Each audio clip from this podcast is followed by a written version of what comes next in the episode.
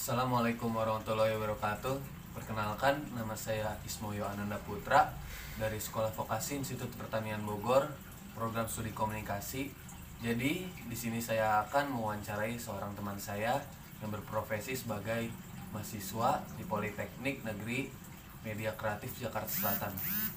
Oke, di sini saya akan me- mewawancarai tentang eh, pembelajaran daring pada masa pandemi ini. Oke, sebelum lanjut ke wawancaranya, untuk narasumber untuk bisa berkenalan dulu. Oke, nama saya RB Kresna Villa dan gua dari mahasiswa Politeknik Media Kreatif Jakarta Selatan. Oke, oke. Jadi di sini saya akan menanyakan eh, pertanyaan yaitu bagaimana sih eh, perkembangan pembelajaran pada masa pandemi COVID ini? Ya kalau menurut gua gini moy, di era pandemi gini tuh sistem belajar online tuh jadi kurang efektif soalnya belum yang belum punya HP, Eh, terus sinyal ya. dan jadi kayak gua kan juga sebagai mahasiswa baru kesan pertama masuk kampus tuh jadi nggak dapet gitu. Iya sih emang ya. Heeh. Eh, kalau dipikir-pikir emang pasti eh, nggak efektif lah gitu kan. efektif ya dibanding langsung Terus eh, kalau misalnya pelajaran-pelajaran itu bisa nangkep nggak? Nangkep lebih gitu.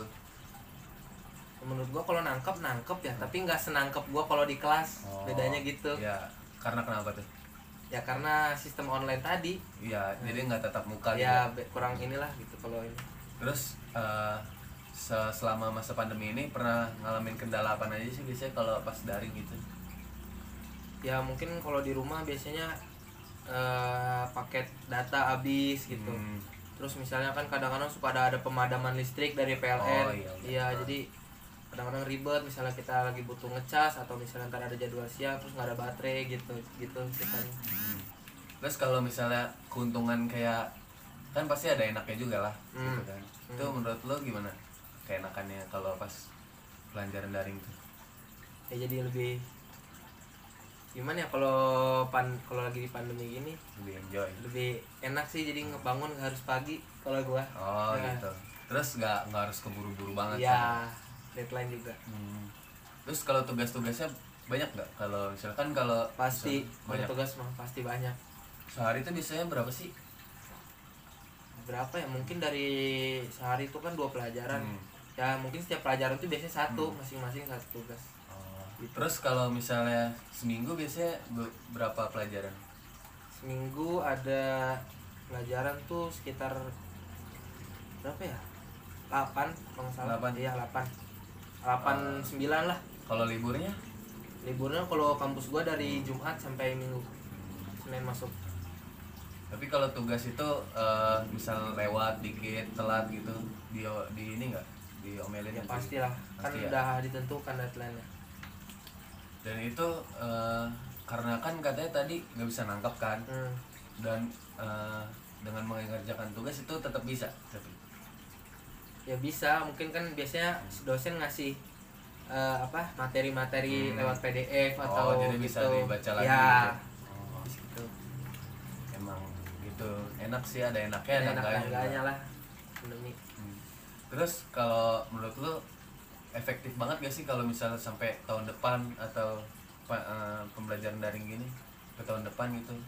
kalau menurut gua kurang sih soalnya dari awalnya aja udah begini gitu Iya. apalagi ke depannya pasti Apalagi lebih kesian buruk. yang yang daring terus kan. nah itu Terus kalau misalnya ulangan gitu, ulangan Hmm. di sono tetap daring. tetap daring kalau di kampus gua Iya. iya Tapi Nah. eh, ada yang ke sono nggak gitu disuruh ke sana? mungkin kalau yang datang tuh biasanya kayak disuruh ngumpulin tugas dari dosen terus kadang-kadang dosen ada yang suka nyuruh datang kampus Terus kalau misalnya yang orang-orang jauh kan kesian gitu ya. iya Itu gimana tuh? itu biasanya kalau begitu dia dapat toleransi dia Dapat toleransi. bisa ya lewat apa dikirim gitu Oh. biasa gitu atau lewat JN eh, Iya apa sih emang Iya. covid membahayakan banget ya Mm-mm. terus juga eh, untuk dosen-dosennya gitu eh, ada yang males-males atau enggak gitu kan karena emang nggak ketemu gitu. Dosennya ada yang kadang-kadang nggak masuk. Bolong-bolong gitu. Ah bolong-bolong. Ya ada sih pasti beberapa mah. Kan mereka juga sibuk, gitu ya? sibuk gitu ya langsung aja kadang-kadang suka ada yang nggak masuk kan. Hmm. iya apalagi daring. Kalau misalnya berarti eh, sekarang udah semester berapa? Saya gua di semester 2 semester dua? Semester 2 sekarang. Baru Udah- masuk baru udah masuk. ulangan? Udah, udah, ulangan. uas kemarin baru selesai. Saya masih Januari nanti. oh. Terus kalau menurut lu kayak sebaiknya pemer- dari pemerintah tuh kayak gimana sih? Apakah tetap ada di adakan tetap muka atau harus tetap daring? Kalau menurut lo gitu. Kalau menurut gua sih tatap muka. Hmm. lebih baik tatap muka tapi kalau bisa di disesiin gitu oh jadi nggak harus bro semuanya, bareng-bareng ya. sekelas gitu iya dibagi-bagi gitu waktunya Hmm. iya gitu kalau menurut gua sih Iya. karena mencegah covid cegah kan. juga iya karena emang kalau daring terus kan bosen orang juga ya pasti suasananya Hmm. terus mood juga kan nggak Iya, beda sama yang di kelas langsung Iya. gitu Oh terus uh, bisa ada kasus ini gak sih kayak misalnya mahasiswa tuh males gitu Hmm. Yang males banget gitu sampai nggak ngerjain tugas terus jarang masuk gitu ada nggak bisa di sana kalau di gua ada sih yang Ada. paling malas banget itu biasanya biasanya kalau gitu bocah gua yang Hmm. ngerangkul biar mereka nggak ngingetin gitu. mereka biar dia nggak yang ngingetin gitu biar dia nggak jadi malas terus lagi uh, dia jerah atau nggak kayak misalnya ma tetep males-malesan atau ya awalnya tetap males sih Hmm. si orang itu cuman ke sini sini kan teman-teman gue juga ngerangkul gitu ya Iya. ya lama-lama jadi inilah Hmm, terus kalau itu dosennya nggak nggak ngingetin atau nggak nyuruh gitu kayak marahin gitu enggak sih kalau dia kalau telat deadline enggak Hmm. cuman lebih nunda-nunda dipepet-pepetin gitu kan oh langsung. jadinya tugasnya nggak nggak terlalu nggak apa mepet banget gitu Iya, sama baik deadline-nya banget sama deadline Hmm. terus kalau yang nggak masuk itu ada kalau nggak masuk sih di gua nggak ada Oh, masuk semua? masuk semua teman-teman oke mungkin eh, cukup ya wawancaranya. Terima kasih untuk RB ya wawancaranya semoga eh, untuk para pemirsa bisa bermanfaat untuk mahasiswa-mahasiswa di sana agar lebih semangat. Dan untuk RB ada nggak sih eh, pesan untuk mahasiswa yang sedang menghadapi pembelajaran daring di masa covid ini? Kalau pesan dari gua buat mahasiswa yang lagi daring mungkin bisa di lebih apa semangatnya digiatin gitu. Emang lagi covid ini Hmm. pastilah yang namanya suasana belajar di rumah tuh bikin boring gitu bosan ya. Tetapi kalau bisa kan itu tanggung jawab kalau bisa harus lebih ditekunin buat ke depannya gitu aja Iya. sih. Untuk para pemirsa untuk lebih semangat lagi makanya dari KKRB udah ada yang pesan yang baik untuk mahasiswa-mahasiswa di sana yang males-malesan terutama itu semoga agar lebih mengerti bagaimana perjuangan yang lebih harus dilakukan oleh kita semua di masa pandemi covid ini. Oke mungkin cukup sekian. Terima kasih untuk RB Ya, atas sama-sama. partisipasinya di wawancara kali ini. Oke mungkin cukup sekian. Eh, sampai ketemu video nanti. Assalamualaikum warahmatullahi wabarakatuh. Assalamualaikum warahmatullahi wabarakatuh. Di sini di sini saya akan memperkenalkan diri saya. Nama saya Ismail Putra dari Sekolah Vokasi Institut Pertanian Bogor program studi komunikasi di sini saya akan mewawancari se- seorang teman saya yang sedang bekerja di bekerja atau mengajar di pondok pesantren di Tasikmalaya. Di sini saya akan menanyakan bagaimana pembelajaran daring itu di pondok pesantren apakah masih efektif atau tertinggal dengan pendidikan-pendidikan umum yang di luar. Sini saya akan menanyakan pada teman saya yang bernama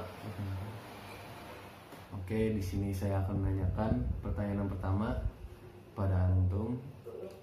Jadi, bagaimana sih eh, dampak perkembangan di pembelajaran daring di pondok pesantren Antum yang berada di Tasikmalaya? Ya alhamdulillah perkembangannya sih cukup baik karena sebenarnya uh, pembelajaran daring sama tatap muka tidak jauh beda. Mungkin hanya ada beberapa waktunya yang agak be- berbeda. Cuma kalau untuk kegiatan masih sama. Bedanya itu jauh atau gimana? Bedanya sih nggak beda jauh paling kayak misalkan contohnya kayak kegiatan menghafal Quran. Hmm. Kan kalau di situ kan biasanya santri-santri ada waktu untuk menghafal Quran. Cuman kalau ketika daring, santri-santri nggak ada untuk seharian itu nggak ada waktu tertentu untuk menghafal Quran. Bebas sampai malam. Yang penting menyetor hafalan Quran. Oh, tapi itu efektif setiap harinya. Alhamdulillah tiap hari efektif. Oke, pertanyaan kedua.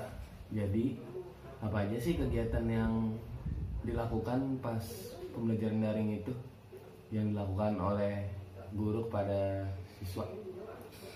Uh, biasanya kalau untuk setiap harinya uh, para santri sekitar jam setengah delapan ada kegiatan jurnal untuk santri Jurnal tuh kayak nulis gitu. jurnal kayak nulis misalkan kegiatannya ngapain aja kemarinnya Oh. bisa nulis kayak keluh kesah bisa di buku jurnalnya Oh, terus Uh, habis itu biasanya kalau habis jurnal sa- santri-santri itu disuruh untuk menghafal hadis dan doa itu hadisnya sehari satu.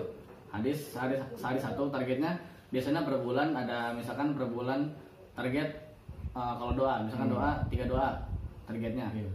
itu dalam satu bulan cuman nggak semua santri harus ngapalin tiap hari kalau misalkan yang udah ya udah gitu yang udah hafal Oh udah ya, udah. Pokoknya target, target target. target, target aja Dan Kalau belum, juga sama? ah, jadi kalau yang belum tinggal menyusul aja. Oh, Terus uh, setelah kegiatan doa, menghafal doa sama hadis, uh, biasanya ada waktu jeda dulu, jeda, jeda sebentar, baru habis itu masuk ke pembelajaran.